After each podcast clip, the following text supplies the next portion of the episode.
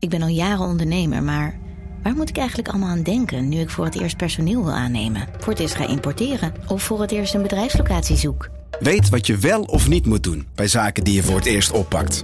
Check kvk.nl voor praktische stappenplannen. KVK, hou vast voor ondernemers.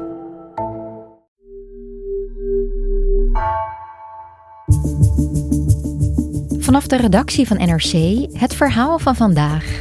Mijn naam is Gabriella Ader.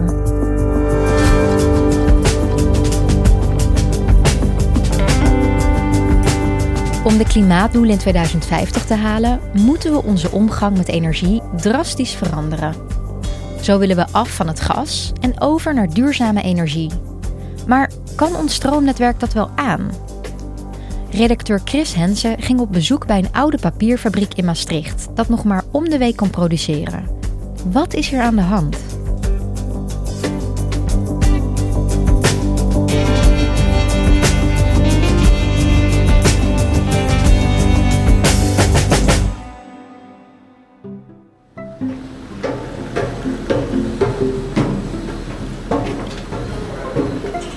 Ik ging uh, met collega Marieke Stellinga van de Haagse redactie uh, onlangs naar de Sappi papierfabriek in Maastricht.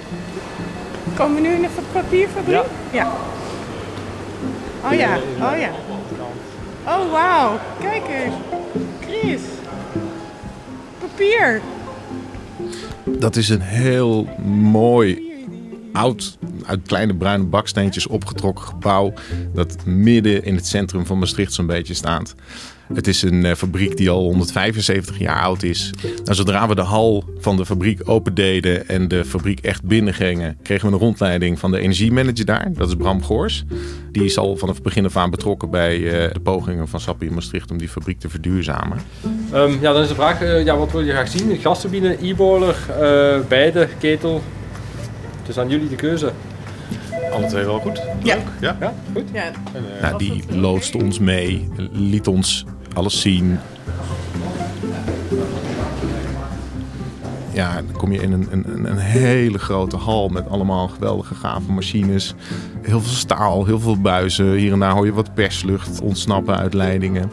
En dan kom je in de hoofdproductieruimte en daar staat een soort van lopende band. Een heel groot apparaat. En hier gaan we naar de papiermachine.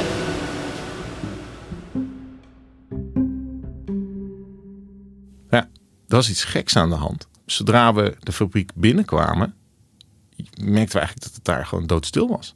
Je verwacht lawaai, sissende machines, gedraai en geratel van stalen dingen. En het was er gewoon hartstikke stil.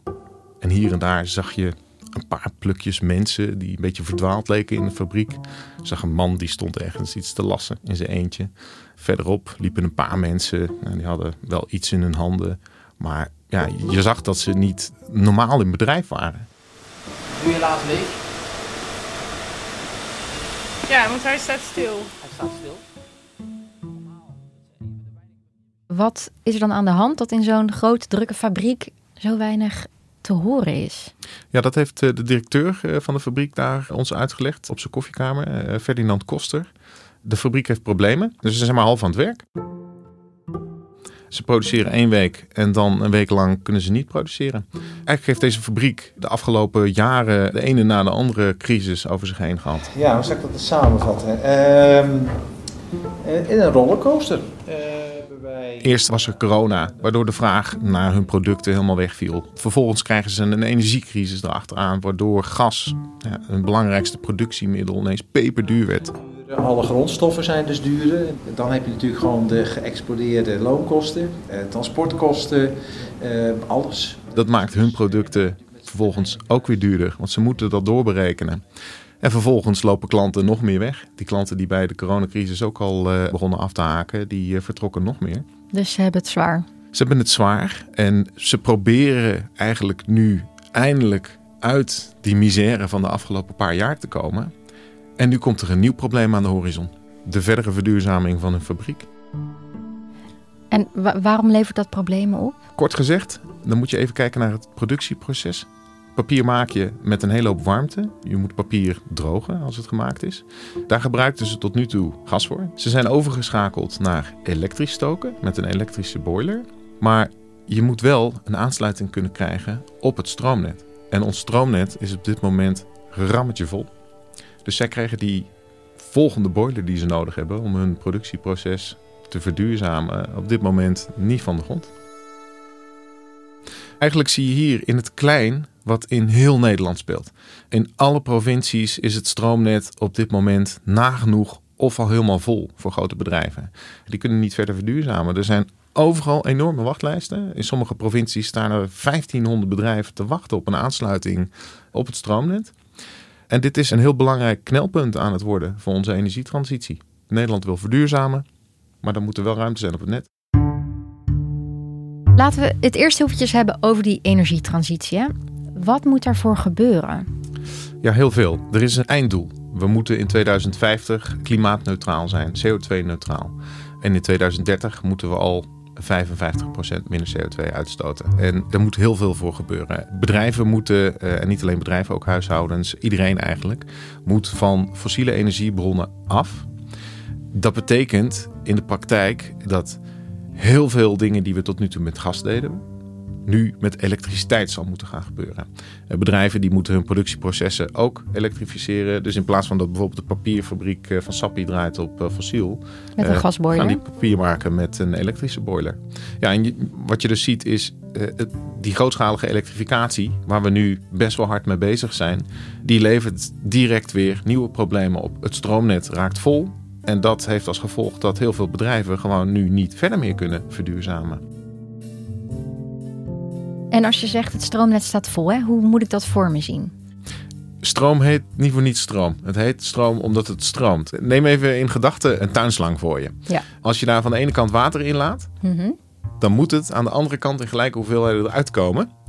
Want anders krijg je dat er een soort ophoping in die tuinslang komt te zitten. En als je dat maar lang genoeg laat duren, dan op een gegeven moment ontploft die tuinslang.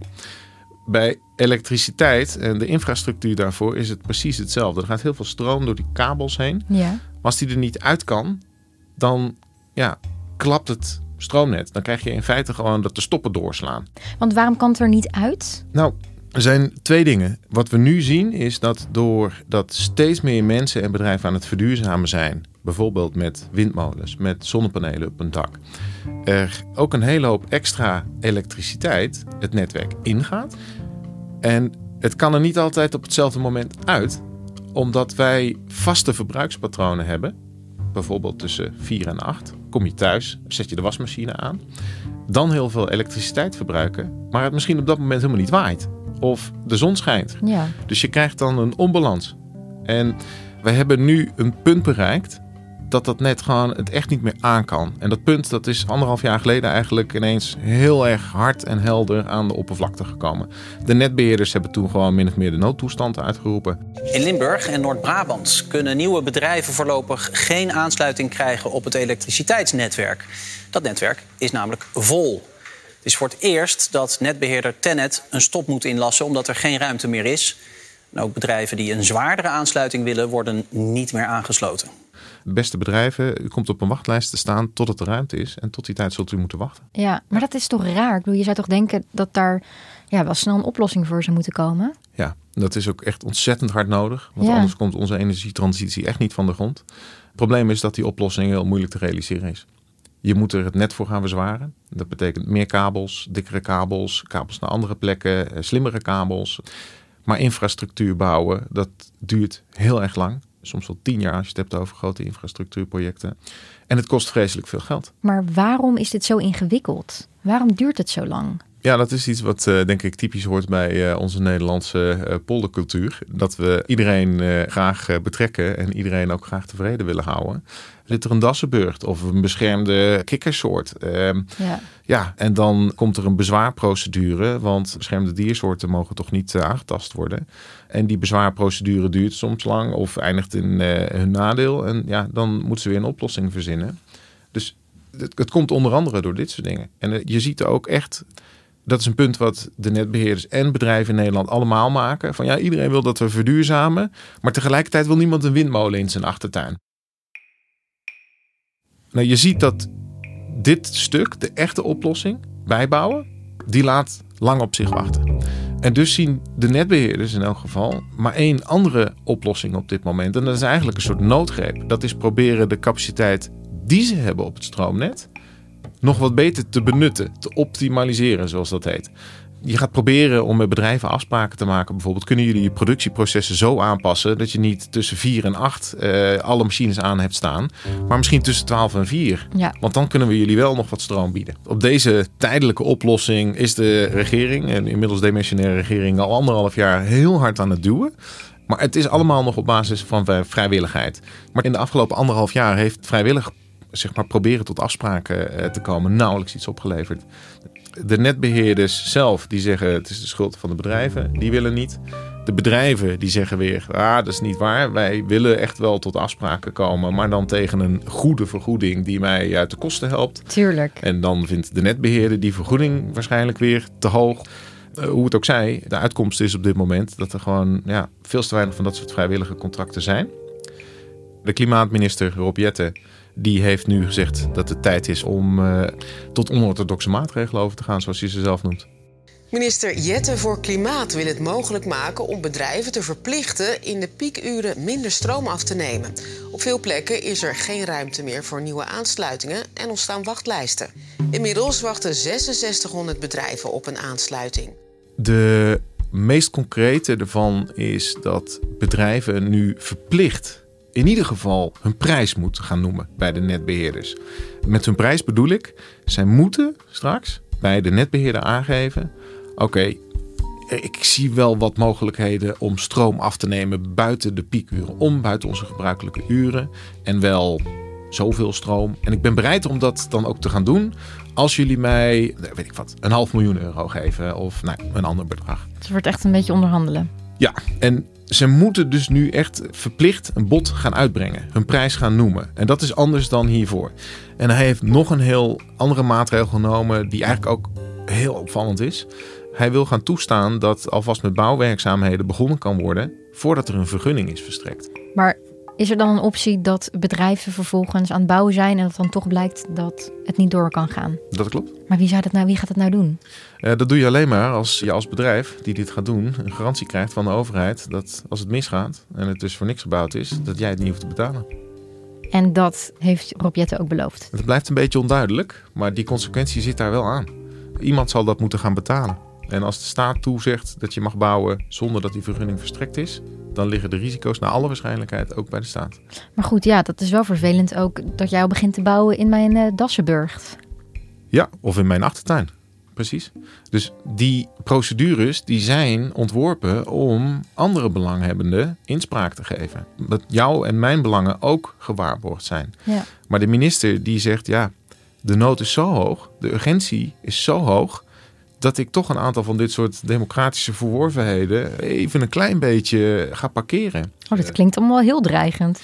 Ja, dat is het ook. Het is vooral dreigend, want hij is natuurlijk demissionair en hij kan niet zo heel veel doen. Hij heeft heel veel maatregelen aangekondigd. Hij zegt van heel veel maatregelen dat hij ze gaat onderzoeken, gaat overwegen. Maar er is eigenlijk voor heel weinig van de nieuwe maatregelen ook een concrete ingangsdatum genoemd. Maar het is wel een heel duidelijk signaal. We willen allemaal dat we onze klimaatdoelen halen.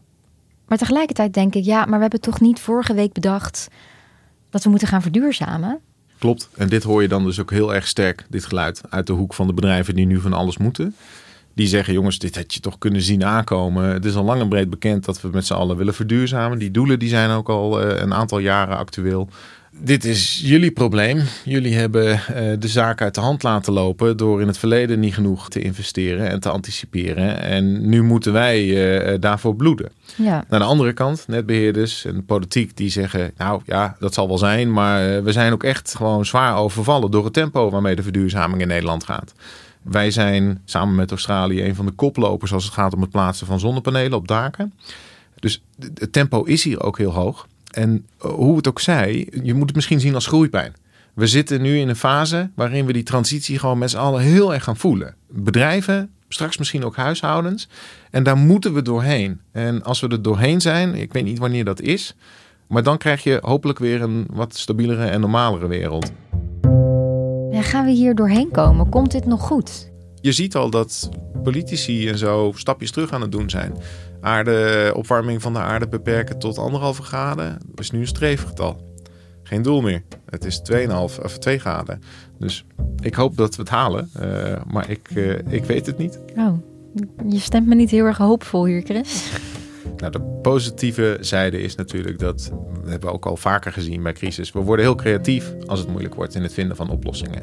En daar hopen en rekenen ook heel veel eh, bedrijven op dat we nog slimmere manieren vinden om problemen op het stroomnetwerk en de verduurzaming uh, beter te kunnen laten gaan. Dus onze vindingrijkheid, die gaat natuurlijk ook wel weer helpen. Ja, en laten we tenslotte teruggaan naar die papierfabriek. Hè? Hoe gaat het daar nu verder? Ja, spannend. De directeur die we spraken, hij is hoopvol. Nou, we hebben drie weken geleden, hè, heb jij ja. de eerste gesprekken en tot onze aangename verrassing is er een opening en gaan we ze gezamenlijk kijken. Dus... Dat ze toch een uh, boiler kunnen aanschaffen? Ja, dat de netbeheerder voldoende capaciteit op het stroomnet heeft gevonden, zodat die tweede boiler toch aangesloten kan worden. Ja. Maar er zit wel nog een flinke kanttekening bij. Maar meneer Koster gaf ons ook aan, ja, er is waarschijnlijk toch nog wat capaciteit. Maar het zal zeker niet genoeg zijn om de fabriek op 100% elektrische kracht te laten draaien eh, de komende tijd. Dus zij moeten ook genoegen nemen met ja, net niet genoeg verduurzaming zoals ze die willen. En het zal voorlopig dus nog wel stil zijn, zoals jij hoorde. Dat blijft het nog eventjes, ja. Dankjewel, Chris. Graag gedaan.